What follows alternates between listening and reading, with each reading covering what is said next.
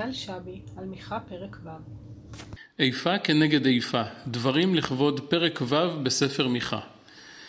מתוך הנחה שחלק ניכר מכותבי האתר יבחרו להתעמק בפסוק ח' הנפלא, בחרתי אני להתמקד בחלקו השני של פרק ו', מפסוק ט' ואילך. בחלק זה ממשיך מיכה להוכיח את עשירי ירושלים על עושקם את דלת העם. עוד האיש בית רשע, אוצרות רשע, ואפת רזון זעומה. אך כיצד יבהיר מיכה לעשירים אלו את מצבם של העניים?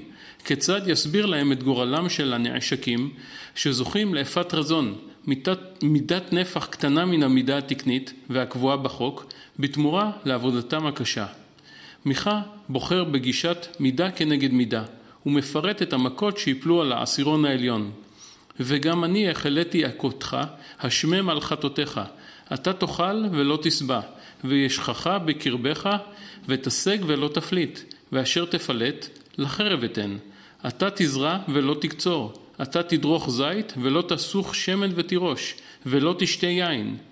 המשותף לכל המכות הללו הוא טרחה רבה שאין בסופה הגעה ליעד הנכסף. ממש כמו עניי עירם שלא זוכים לקבל את המגיע להם. כך גם עשירי ירושלים לא ישיגו את מבוקשם. אך מה זה נוגע לנו? איני מכיר אף אדם המחזיק בביתו איפה, לא תקנית ולא איפת רזון. יתר על כן, היחידה למשקלות ומידות במשרד הכלכלה אחראית על אכיפת פקודת המשקלות והמידות, שנקבעה כבר ב-1947, עוד לפני קום המדינה, כדי להבטיח סחר הוגן. כאשר בן או בת הזוג משתדל וטורח, כאשר הילדים מסייעים במטלות הבית או מצליחים לבצע משהו חדש, כאשר הפקוד ממלא את בקשתך על הצד הטוב ביותר, כאשר העמית לעבודה מסיים את חלקו במטלה. האם אנו מקבלים את כל אלה כמובנים מעליהם או משבחים אותם על מאמציהם?